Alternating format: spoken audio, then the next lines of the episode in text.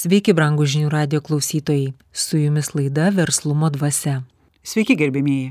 Šiandien su mumis verslininkas žinių radio savininkas laidos autorius Augustinas Rakauskas. Labadiena, Augustinai. Labadiena, gerbėjai klausytojai. Augustinai, mes matome, kad mūsų valstybėje ypač dabar vyksta sudėtingi procesai ir ekonominiai, ir politiniai, ir jaučiama vis didėjanti įtampa. Jūs kaip verslininkas išgyvenęs ne vieną krizę. Kaip jūs matote? Nes juk tai vyksta su mumis, juk mes esam tauta. Ką mes turime suvokti dabar? Labai svarbu intencijų identifikavimas. Jeigu mums pavyksta identifikuoti intencijos, kodėl taip vyksta, tai mes pradedam tada matyti užuomasgas, gairės, kas iš to išlošia. Nes visada yra tikslai ir jeigu mes giliai analizuojam, esam globaliai mąstantis ir stebintis, tai mes pradedam tada matyti, kur tai veda. Mes pradedam matyti, kam tai naudinga. Ir tada jau mūsų sprendimas, ar sutikt su tuo, ar leist, kad vestų. O ko reikia, kad žmonių sprendimai virstų tautos gale? Kai žmonės sukuria tam tikrą energetinę požiūrio ir nuostatos kritinę galę, kuri viršina dedamą ant mūsų naštą. Tada ta vienybės dvasia, jinai dėka vienas kito teigiamos dvasios generavimo, pasipriešinimo nuostatų, to pasakymo ne, taip negali būti, tai neteisinga. Tai turi pasakyti visa tauta ne. Mums duota gebėjimas mąstyt, analizuot, gilintis, suvokt, ateiti iki supratimo. Žmogus gali nulemti savo ateitį. Jam šita Dievo teisė suteikta. Tai kodėl jis nesinaudoja tą teisę? Jam jo aš čia ir dabar yra svarbiau negu mes. Kol taip yra, tai tol žmonės yra valdomi kitų žmonių sukurtų schemų. Ir jie valdys, kol žmonės atbus ir supras, kad jie yra sprendėjai, jie turi teisę spręsti, jie yra gale, bet ją reikia apvienyti, jie turi būti vieninga gale, o ne pavienė. O visi egoistai kovoja už pavienę galę. Tai gerai, Augustinai, o ką mes savo laidoj tada galėtume parodyti? Kad mes ignoruojam tam tikrus dėsnius ir mes atsisakom savikūrybos kad mes tą pasirinkimo laisvę turėtume, mes ją kurtume ir mes slopinam kūrybinį procesą. Taip pasirinkimo laisvę jūs siejate su kūryba, bet kai veikiame sistemoje, ji labai išradingai kūrybą panaudoja manipulacijoms. Visą laiką reikia žmonėm palikti kažkokią erdvę, kad jie priversti būtų paieškot, sujungt, pagalvot. Nes jeigu jiem viską atimam, tai jau mes artėjam prie robotizavimo. Mes tada tik tai dėliojam tvarkas, užduotis, kryptis, jau tada žmogus pats gyvenimo proceso eis ir glemia, jis jau nedalyvauja. Ir jis praranda gebėjimą tobulinti sistemą. Ir mes visuomeniškumą mes tada užgniaužiam, nes viską jiems sukuriam visas tvarkas sudedam ir mes išvažiuojam staiga į gatvę ir reiškia į gyvenimą išeina jaunas žmogus ir jis mato visur sudėliotas tvarkas pagal kurias jis turi gyventi elgtis bet jis neranda nišos kur jam pačiam dalyvaut. Jis pradeda blogai jaustis jis nori užsukt į kairę o čia ženklas stovi tik į dešinę arba tik tiesiai ir jis tada gal pažeist čia? Matau kad žmonės padarė nesudėtingai mąstančius kartojančius kaip papūgas, priimančius, bet nekuriančius. Jie nenori kurti, jie nenori vargytis, jie nenori galvoti, jie nenori ieškoti. Tai einam į kur? Į narvelius. Augustinai, kiek klausom, skaitom, visuomet matom, kad žmogui bandoma suformuoti taip, kad jis aiškiai vienareikšmiškai suprastų, kaip yra sakome, ir tame kažkieno supratime gyventų. Taigi mes daug kartų kalbėjom, kai rašiau knygą, visą laiką, kai mane presingodavo, kad čia turi būti aišku, čia vat, reikia, na, tai bus aiškiau. Ir jeigu aš matydavau, kad gaunasi taip, kad parašai ir viskas aišku, tai tada klausimas savo keliu, tai kam čia rašyti? Kad rašyti tą, kas viskas aišku. Tai ir taip aišku. Nes žmonės tai supranta, kai antrą kartą išgirs tai, kas aišku. Tai gerai, tai ko jūs siekiate? Nori padaryti įrankį iš to rašymo ir iš tų žinių suteikimo, kuris priverstų smegenis galvot, susigaudyt situacijai. Tada išmokini susigaudyt situacijoje manipuliatorių, zombizavimo, nuomonės formavimo, klaidinimo. Jis jeigu atsirinks tam mažam mūsų sudėtingume, tai jis atsirinks ir klausydamas, kada kalba ką nors politikas. Jis išmoks suvest, atskirti interesą jo asmenį, pažiūrėti, kur visuomenės interesas, kaip čia yra, kaip čia mane įtakoja ta kalba, ar čia tik reikšmingumą, ar čia tik populiarumą užsima žmogus daryti.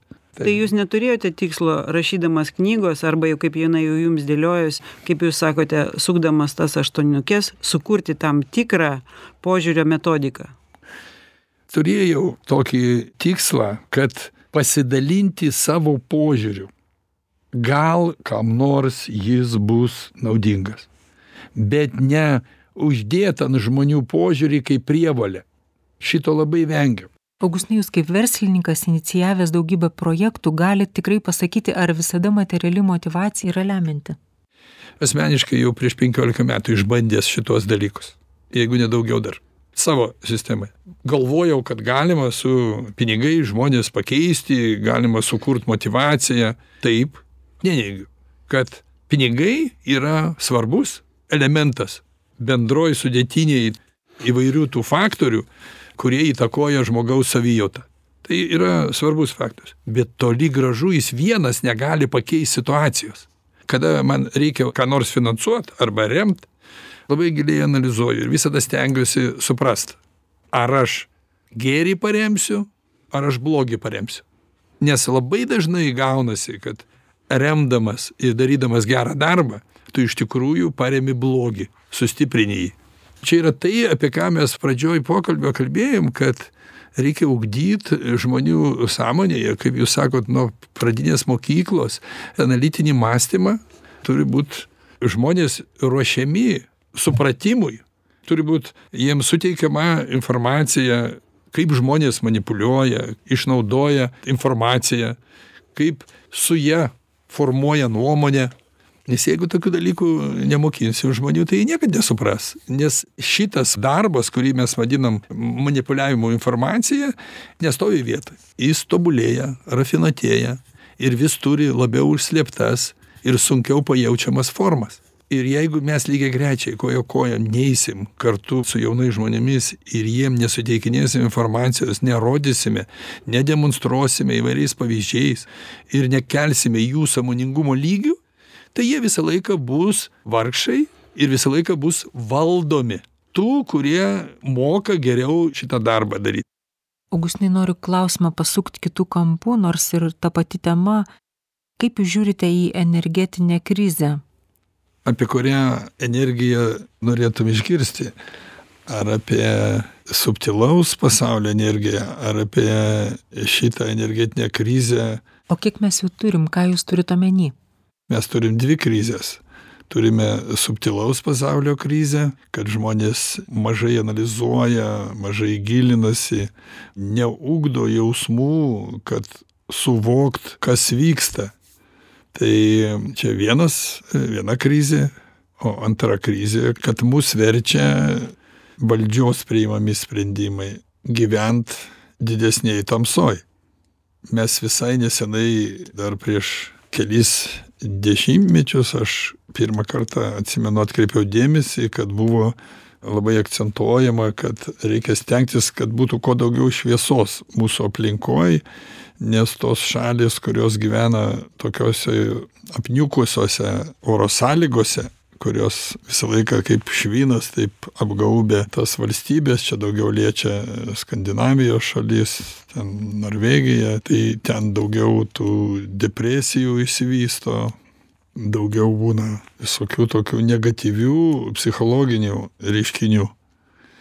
Tai kas mūsų laukia kai mums sako kad dabar jau nesvarbu ta žmogaus psichologinė būsena dabar reikia taupyt energiją mes turėsim sumokėti tam tikrą kainą.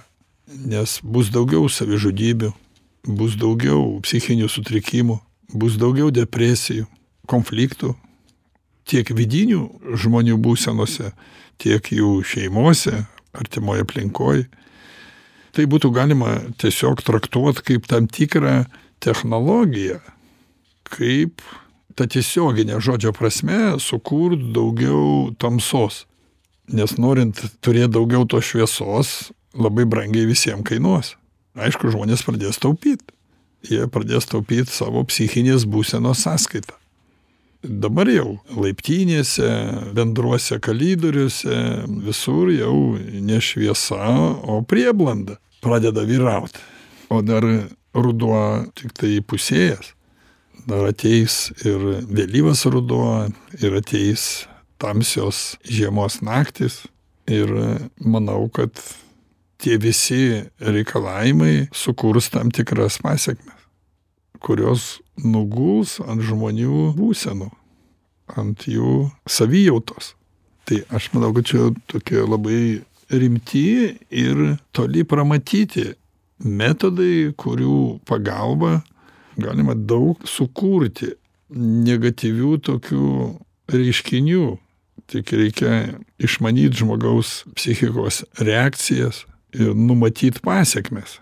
Kadangi mokslas yra toli pažengęs šitoj srity, tai tų reiškinių, kurie vyks ryšim su tuo šviesos mažinimu, čia dar dasidės ir šiluma, reiškia bus niūru, tamsu ir dar šalta.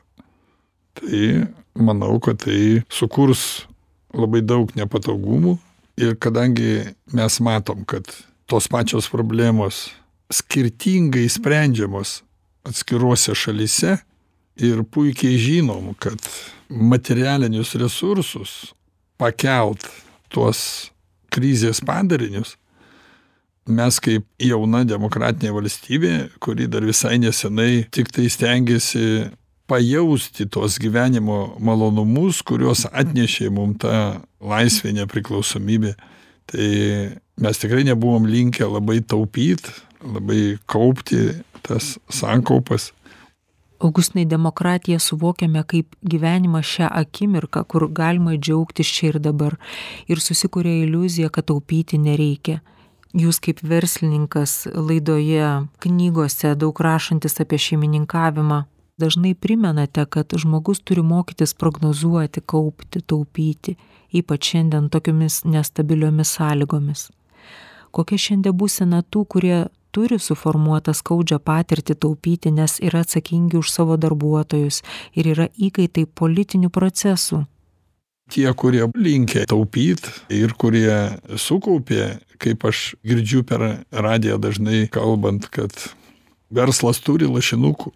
Čia mūsų vienas žurnalistas vis pabrėžė šitą, kad bankos skelbė, kad verslas turi pakankamai sukaupęs lašinukų tai mes prisiminkim aštuntų metų krizę kada verslas buvo kaltas todėl kad jis išlaidavo nesukaupė atsargų neturėjo lašinukų ir dabar už tai turi mokėti ir čia kaltas verslas.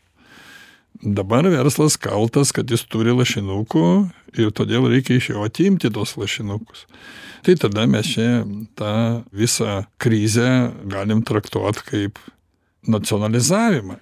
Kuom čia skiriasi? Dabar priemonę turim. Priemonė yra elektra. Priežastis yra karas. Tai čia kaip ir nėra ką kaltyti. Žmonės pas mumi pakankamai supriešinti turinčių kažką tai daugiau už kitus žmonių atžvilgiu ir visas mechanizmas taip sukurtas kad dabar iš vienų bus atimama kitiem atiduodama.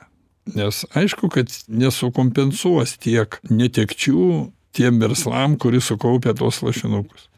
Nes prieš tai buvo išleisti įstatymai kad čia viskas turi būt skaidru žinoma deklaruojama kiek čia kas turi tų pinigų ir toliau tas viskas vyksta. Ir dabar jie kaip sakant jau tais savo darbo vaisiais naudojasi dabar gali jau tiksliai nutaikyt iki tokios ribos galima kelti kainas tie pinigai kur eina į valstybinės įmonės, į biudžetą. Iš tų pinigų kompensuoja tiem, kurie nepakelia tų kainų. Bet ir iš vienų, ir iš kitų pinigai vis tiek sueina į biudžetą. Ir unikalus mechanizmas nacionalizacijos. Atėmimas iš tų, kurie turi, padalinimas, menamas padalinimas tiem, kurie neturi, o finaliai jie vis tiek sumoka už elektrą. Augustinai, bet jūsų verslavimo metu, kiek dešimtmečių jau tai vyksta, jūs jau matydamas šitos procesus ir matydamas tos mechanizmus jau galite iš anksto. Tai Ką iš anksto? Tai mes iš anksto ir pasiruošėm. aš ne apie pasiruošimą. Jūsgi matote jau arba galit numatyti savo kailių, kaip sakoma, patirdamas savo darbuotojų ir ankstesnės įmonės ir dabar nuostoliais ir visa kita, jūs nekartą esat praėjęs šitą. Viskas mutuoja ir evoliucionuoja. Ir, sakysim, privatizavimo mechanizmai, nacionalizavimo mechanizmai, revoliucijų mechanizmai, jie irgi taip pat mutuoja, evoliucionuoja, viską kūrė žmonės. Ir kadangi didžioji visuomenės dalis neanalizuoja, kas dėl ko vyksta, kur priežasčių šaknis, jie gyvena pagal tą šūkį, kurį labai dažnai girdim, kad tik džiaugis čia ir dabar. Gyvenk šią akimirką. Tai kai žmogus gyvena šią akimirką, tada galima už jį kurti ateitį. Ir mes šiandien matom tą mūsų ateities sukūrimo rezultatą. Mums sukūrė tokią ateitį. Štai, Augustinai, mes pradžioj kalbėjom, kaip svarbu jau mokyklose mokyti atpažinti, analizuoti vykstančius procesus ir matyti manipulacijas. Ir imkim pavyzdžiui, mums per visas medijas, visas žinias rodo, kaip susėdę politikai ginčiasi. Ir koks charizmatiškas žurnalistas klausia, ar čia jūs kalti konservatoriai, ar jūs socdemai. Ir mes matom, kaip abiem pusėms pešiojantis atsiskleidžia visas politikų korektiškumas. Ir štai tokioj aštrioj situacijoje žurnalistas kuria verslumo dvasę. Ko tada galima iš tokių viešai rodomų rezultatų mokytis? Tie visi ginčiai, jie neturi jokios prasmės, jie nesprendžia dabartinės problemos, bet jie ir ne dėl to daromi tie ginčiai. Jie tiesiog daromi tam, kad nukreip žmonių dėmesį, kad žmonės galvotų, kad čia kažkas yra kaltas. Bet čia nekaltų reikia ieškoti dabar, o pasiekmes spręsti. Ir jeigu žmonės analizuotų giliau, plačiau žiūrėtų į visą tai, kas vyksta, tai galbūt to ir šiandien ne, nebūtų įvykę, kas įvyko. Bet kur problema? Problema tame, kad visas šitas procesas vystomas globaliai, galima sakyti, pasauliniam kontekste. Kodėl mums sunkiau? Todėl mums sunkiau, kad mes dar neišmokę tokiem dalykam pasiruošti ir mes nesam tokia ilgalaikė sėkminga valstybė, kokia pavyzdžiui yra Suomija arba Vokietija. Tai yra labai senos, stiprios ekonomikos, kurios atlaikys tai tos iššūkius, kuriuos sukuria tie geopolitiniai interesai. O mum šitam vaiko demokratijos amžiui bus daug sudėtingiau. Bet čia mes labiausia turim kaltyti patį save. Kodėl, Augustinai? Kad mes nesigilinam. Kad mes pasiduodam tai minčiai, kad gyventi reikia šią dieną. Ta mūsų norą gyventi šią dieną, negalvojant apie rydieną, nedarant išvadų iš praeities, tai šitą mūsų būseną šiandieną ir išnaudoja. Todėl ir galima daryti tai, ką daro. Todėl gali būti skirtingos kainos skirtingose valstybėse. Turėtų būti priešingai. Tom stipriom ekonomikom turėtų būti taikoma didesni įkainiai. O tokiom jaunom demokratiniam šalim turėtų būti mažesni taikomi įkainiai. Bet čia ne apie tai eina kalba, čia eina kalba, kaip sukurt kiek galima vienodesnę ir suniveliuotą visuomenę vienoje arba kitoj šaly, ypač šitos posovietinės šalyse, kad jos nepradėtų dominuot ir jų finansiniai pajėgumai nepradėtų konkuruot su tom senom valstybėm kurios susikūrė tą gerovę per daugelį metų. Nepalyginamai per didesnį laikotarpį jeigu mes esam susikūrę. Tai jie ne tam plečia tą demokratiją kad jinai būtų tokia kurioje jie tampa silpnesni nes jie tą gerovę susikūrė ir jie nori ją išlaikyt. Jie nori ne tik tą materialinę gerovę išlaikyt jie nori ir įtakos gerovę išlaikyt tą dominavimą išlaikyt. Pas mus yra kuriama visuomenėje ta dvasia kurią per įvairias medijas ir socialines platformas palaikome kad kuo mažiau keltume esminių egzistencinių klausimų kad veikiami tų ideologinių garų to komforto propagavimo nematytume nei politinių nei ekonominių procesų ir gyventume šia diena. Vis dėlto yra žmonių kurie mato kas vyksta po tais specialiai visuomenei leidžiamais garais. Jo bet kada yra tokių žmonių mažuma tai jie įtakos nelabai gali padaryt nelabai gali ką pakeist. Kodėl aš visą laiką pabrėžiau kad tik vienybės dvasia tik vieningumas tik ta vieningo vienio dvasia. Čia mes galim tą vienybės faktorių ryškinti įvairiais būdais.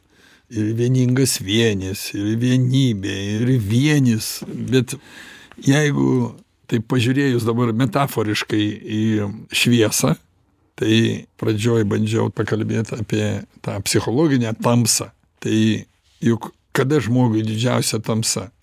Kada jis lieka vienas? Kada jis vienas lieka su savo problemom su savo psichine būsena?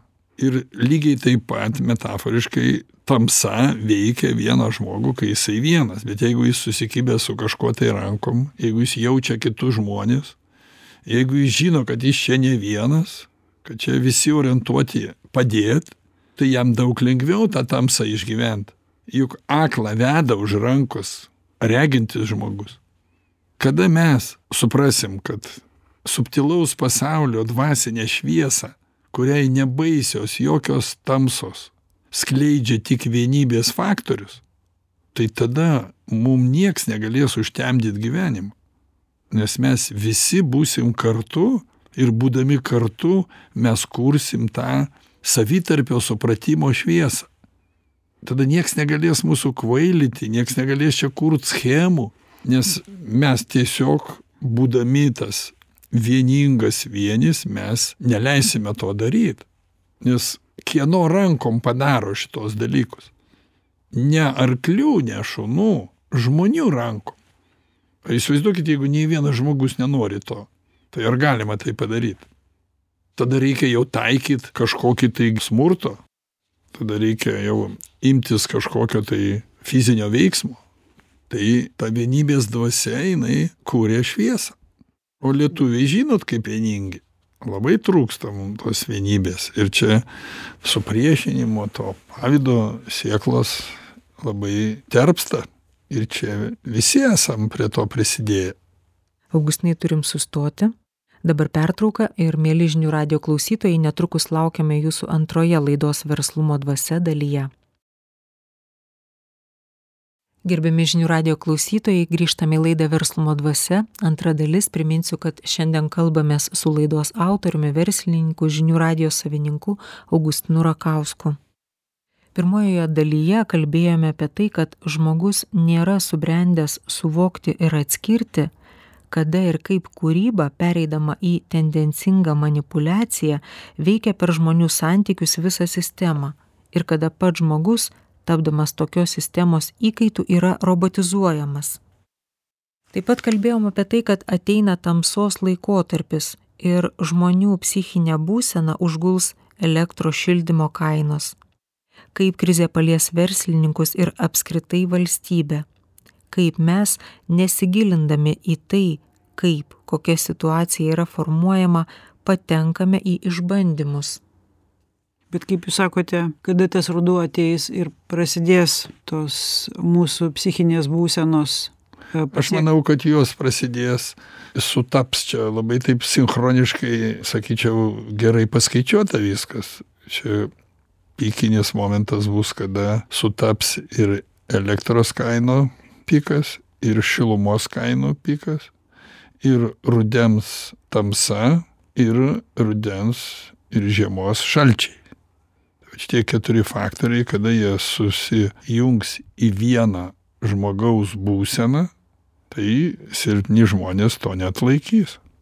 Ir tiesiog bus nematomas mūšis su žmogaus samoningumo lygiu, bus nematomas mūšis su vienas kito santykiais.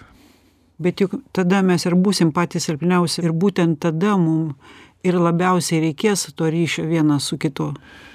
Ir politikų. Niekas iš niekur negimsta. Jeigu nėra sėklos, augalas neišauga. Taip, gyvybė labai gaji, bet mes čia kalbam apie subtilaus pasaulio jausmų dvasę. Aš tik tai tos materialius dalykus ir nepriteklius tuos panaudoju kaip priemonės, reiškinius, kurių pagalba mes atsidursim tam tikroj būsenoj. Ir kaip čia mes beneigtume, tai yra sinchronizacija fizinės ir dvasinės būsenos. Tai, ką mes su tavim šiandien kalbėjom. O čia ir įvyksta sinchronizacija. Ne gerąją žodžio prasme, o kažkas tai gaus iš to rezultatą. Koks ten tas rezultatas ir kokios yra intencijos šitų būsimų pasiekmių, šiandien mes negalim tiksliai įvardyt. Per mažai turim informacijos. Ir informacijos kaip ir pakaktų, analizuojant, bet žmonių abejingumas ir žmonių dėmesio atitraukimas į gyvenimą čia ir dabar. Aš nežinau, galbūt net galima būtų įvardyti kaip priemonės. Tos priemonės mum suponuos tam tikrą būseną. Labai svarbu, kad ir labai blogai, kad žmonės neanalizuoja intencijų. Nesvarbu, ar jie knygą skaito, ar jie klauso laidą. Jau neužtenka vien tik girdėti tai, ką sako ir suprast. Žmonės įprato, kad klausau, ką sako ir suprantu, ką sako. Bet kokia intencija to sakymo, koks yra tikslas, kodėl taip sako. Šitos savybės, sakyčiau, taip žmogus labai mažai kas eksploatuoja šitą savybę. O juk žmogus turi tą savybę pajaust intenciją. Kodėl taip daroma, kodėl taip kalbama, kodėl taip rašoma. Žmogus tada nėra pilnavertis, kai jisai tik tai priima tai, ką girdi. Tai jis kaip imtuvas dirba, jis priima tai, bet kas iš to? O kai jisai pajaučia intenciją, jis pradeda tada analizuot, jis pradeda tada tą jausmą tyrinėt ir tada veikia tas mūsų jausmas ir protas. Veikdamas jis, kaip sako, įžiebė tą naujo suvokimo kibirkštėlę. Ir mes kažką naujo suvokiam. Kažkas atsiveria, atsidaro ir mes pamatom tai, kas slypi už to, ką nori mum perduot ir inkorporuoti mumi kaip supratimą. Mes priimam kažkieno tai siunčiamą mums supratimą, kad mes būtent taip turime priimti žinę, būtent taip priimti supratimą. Tai mes tampam manipuliavimo priemonė. Tada mūsų sąmonė, mūsų būsena manipuliuoja, mūsų jausmais manipuliuoja, įsivystimo lygių, mūsų samprata. Kodėl taip yra? Už tai, kad mes nuolat orientuojami tai, kad mes priemam tai, ką girdim ir mum užtenka to, kad mes tai suprantam. Ir mes džiaugiamės, kad tai suprantam. Taip, taip, taip. Ir jūs nekartą uh, laidose esate kalbėjęs, kad mes įsivaizduojam per tai, kad mes suprantam, kad su savo tuo senu supratimu mes atidarysime naujus dalykus. O mes jų negalim priimti, nes mums reikalingas, kaip jūs sakot, jausmas. Naujas suvokimas. Mums reikia atidaryti, ką mes pajutom, ką mes pajutėm tam reiškiny, kuris mum perdodamas kaip kažkokia informacija, kaip nuostata, kaip kažkokie vizualiniai dalykai. Jeigu mes šito neanalizuojam ir nesistengiam nustatyti intencijos vykstančio proceso, tai mes tada esam robotizuojami, tada mumi formuoja mum įteigia tokias tiesas kokios kažkam tai naudingos kažkam tai reikalingos. Aš tame matau didelę problemą.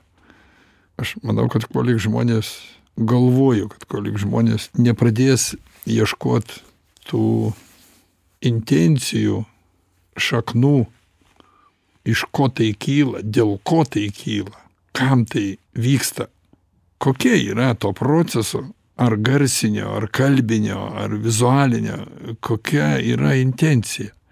Ką nori su tuom pasiekt ką nori padaryt. Ar mum įtikyt kažkuom tai? Ar mum suformuot požiūrį ar mum sukelt kažkokį tai jausmą? Nes galima kalbėt apie labai gerus dalykus o sukelt neapykantos jausmą. Mes turėjome pandemijos situaciją vakcinų situaciją. Ko mes iš jos pasimokėm? Buvo vakseriai antivakseriai. Mes žiūrėjome kaip vieni su kitais darkosi žiūrėjom ką daro politikai o kokią mes gavom iš to pridėtinę vertę. Kiek sąmoningesnė tapo mūsų visuomenės būsena. Bet pagalvokit kiek iš tos visos pandemijos uždirbo. Kai ieškai intencijų visada reikia žiūrėti galutinio naudos gavėjo. Žmonės kadangi nelavina analizės tai jie labai greit pameta nuo ko kas prasidėjo kaip su tais lašinukais. Buvo labai kalti ir blogi verslininkai kad nekaupė lašinukų ir krizės metu neturėjo atsargų ir politikus kaltino kad vyriausybė neturėjo atsargų sukaupus. Ir visus verslininkus visus bendrai. Bet dabar pažiūrėkim. Dabar už tai visi kas kaupė tapo taikiniu. Reikia iš jų atimti. Labai gražioj formoj pateikia jūs gi turit lašinukų verslas gi turi atsargų. Bet verslui reikia vystytis. Jeigu verslas nesivysto ir jisai neturi atsargų tai jis tampa pažeidžiamas. Jeigu jis tampa pažeidžiamas tada ateina gelbėtojai. Tada ateina bankai ir sako tai imkit pinigų va skolinkitės. Mes duosim. Mes matome kad valstybėje yra vietos kalboms apie laisvą žmogų bet ar iš tikrųjų yra vietos laisvam žmogui? Nieks nenori laisvo žmogaus nepriklausomo žmogaus. Nieks nenori net ekonomine prasme o ką jau kalbėt jeigu žmogaus dvasia yra laisva? Jeigu jis kitamanis? Jeigu jis visai kitaip įsivaizduoja tai kas yra uždėta žmonėms kaip sistema tokie žmonės yra. Kaip jums atrodo žmogui kuris suvokia šituos mechanizmus ir mato kaip išnaudojamos visos silpnos grandys kaip išnaudojami patys žmonės kurie nesuvokia kas su jais daroma kada žmogaus kūnas tampa mažiau? Tada mes pirmaujam savižudybėse tada mes pirmaujam visokiuose kvaišaluose tada pasekmės bet reikia stengtis pramatyt kam tos pasekmės naudingos. Kažkas visada gauna naudą. Tuščios vietos pasaulyje nebūna. Geografiškai mes išsidėstę labai tokioj įdomioj vietoj mūsų šalis yra kaip sankryža ir čia daug interesų susikerta. Tiek skandinavijos tiek rusijos vokietija ukraina baltarusija lenkija. Pažiūrėkit kur mes čia. Štai jūs pasižiūrėkit jūs iš tiesų daug pramatantis ir giliai matantis verslininkas. Ir štai jūs baiginėjat trečią knygą ruošiat į leidyklą. Ir užuot tai kad jūs kaip visuomenės veikėjas jūs galėtumėt rašyt apie tuos reiškinius apie tuos procesus tačiau jūs aprašinėjate dabar atrodo tokius dalykus kurie karo akivaizdoj priešingai atrodo visus nukreipia nuo šito. O jūs būtent ir rodot kad žmogus analizuotų stebėtų būseną žiūrėtų keltų klausimus ieškotų to pokalbio nuolatinio su savo siela ugdytųsi gebėjimą savyje. Tai kas vyksta yra pasekmės ir visada reikia galvot ar tu gali tą vėjo malūną kaip tas donkichotas sustabdyt ar negali jeigu žinai kad nesustabdysi tai koks tikslas?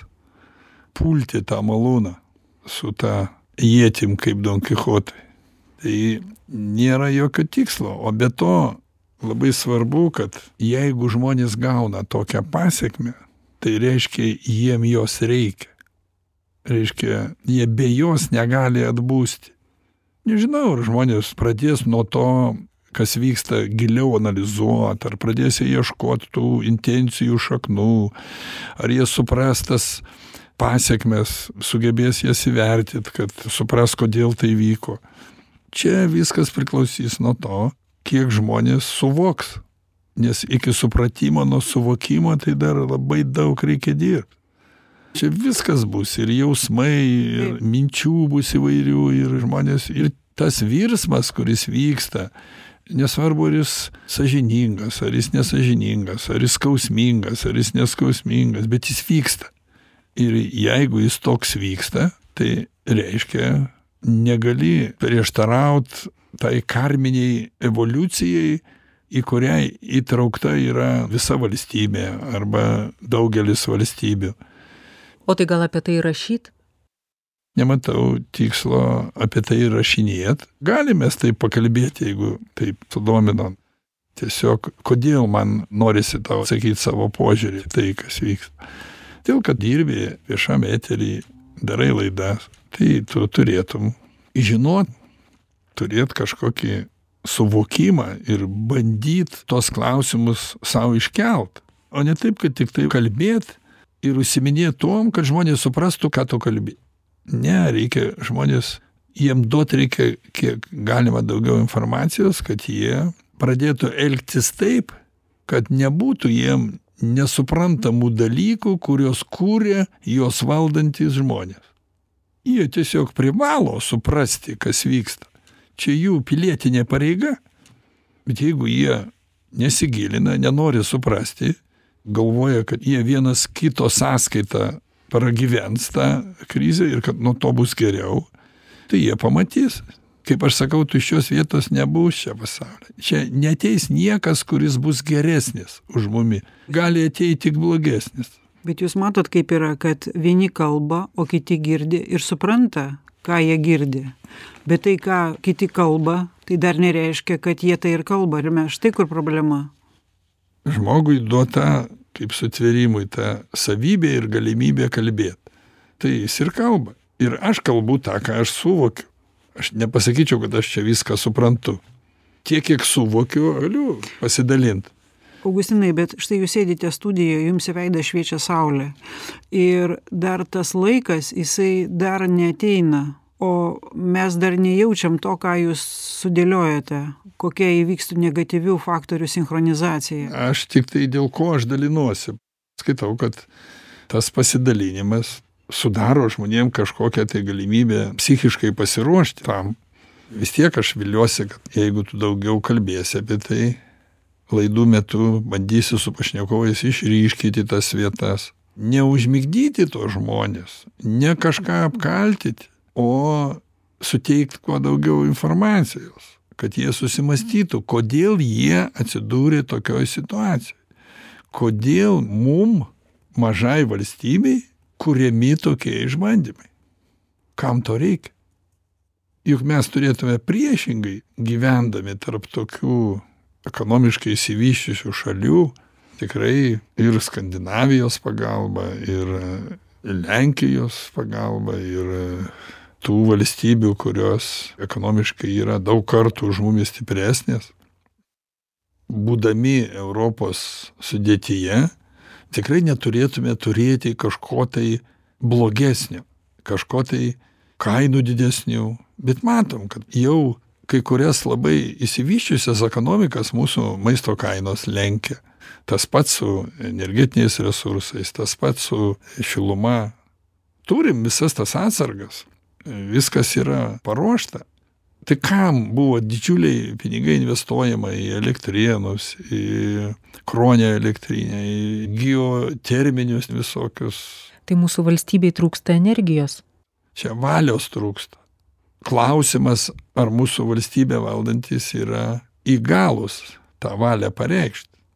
Ir ji negali tos valios pareikšt sutikimo arba nesutikimo su mum primetamais kitais reiškiniais negali priimti vien politikai. Čia turi priimt visa tauta. Jeigu to nedaro visa tauta jeigu yra bendras sąmoningumo lygis žemas egoistinis orientuotas tik į save joks vienas žmogus jokia viena grupė žmonių neišspręs šitų klausimų žinot jūs taip kalbat lyg atrodo kad prieš kažką tai lyg prieš audrą kad dabar toks mūsų tautoje bręsta laikas ateina kada mes visi būsime priversti atsistot prieš šitą klausimą mes atsidursim šitų problemų akivaizdoj. Mes jau atsidūrę esam jų. Bet kadangi tai yra kaip tas debesys va žiūrėk per langą koks debesys užplaukia. Kadangi jisai tas tamsos ir tų pasekmių tas debesys yra šliaužiantis jisai iš lėto gaubia ir dengia tą šviesą.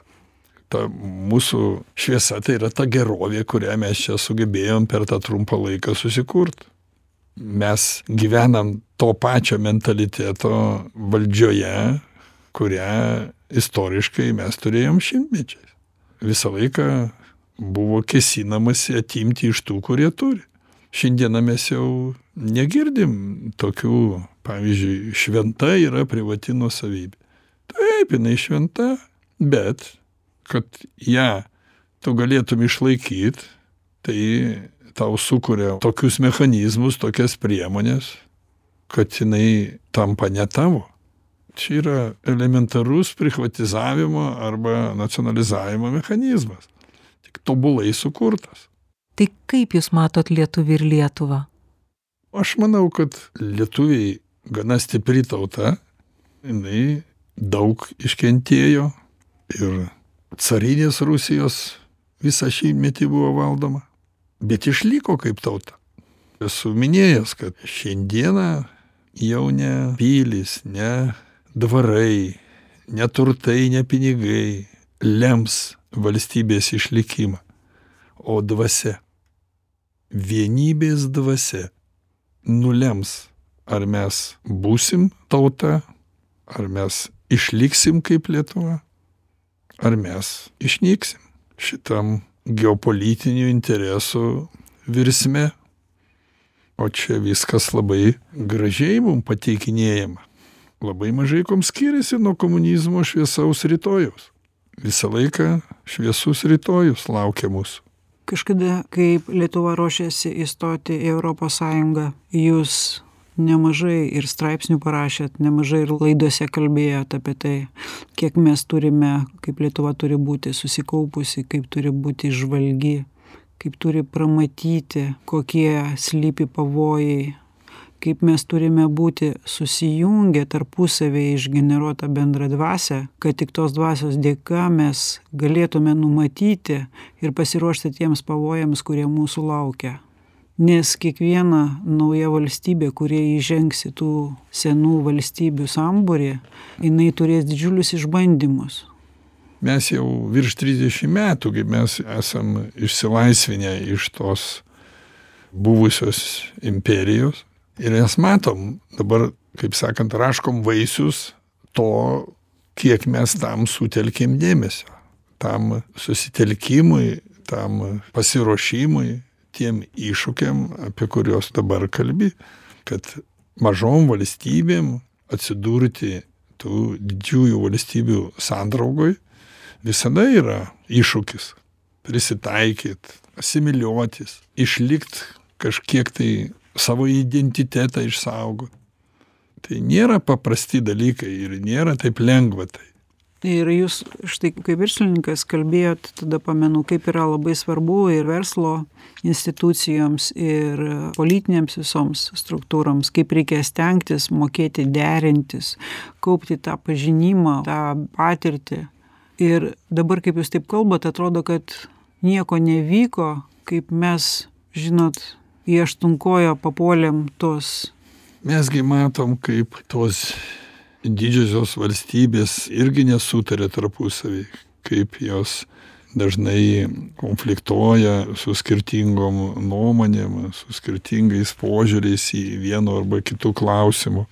Tai ką jau kalbėt čia ir yra viena iš tų sunkių užduočių kaip mum prisitaikyt prie tų jų ginčų prie tų sprendimų kada jie kovoja už savo interesus. O kas amortizatoriaus vaidmenį tada atliks mūsų valstybėje kai prasidės tos negandos prasidės visos mūsų žmonių psichinės problemos įskaitant jau nekalbant apie materialią šitą dalyką gali kaip aš minėjau išspręsti tiktai patys žmonės savo vienybės faktorių savo vienybės dvasia niekas kitas negali suamortizuot šito dalyko. Tik žmonių vienybė. Tik meilė vienas kitam rūpesčiu vienas kitu. Jie su šitais subtilaus pasaulio dvasios faktoriais jie gali sugeneruot galią kuri gali atremti visus tuos smūgius kuriuos mum likimas ruošia dėkojame brangūs klausytojai su mumis buvo žinių radijo savininkas verslininkas laidos autorius augustinas rakauskas ir verslumo dvasia. Iki kitų susitikimų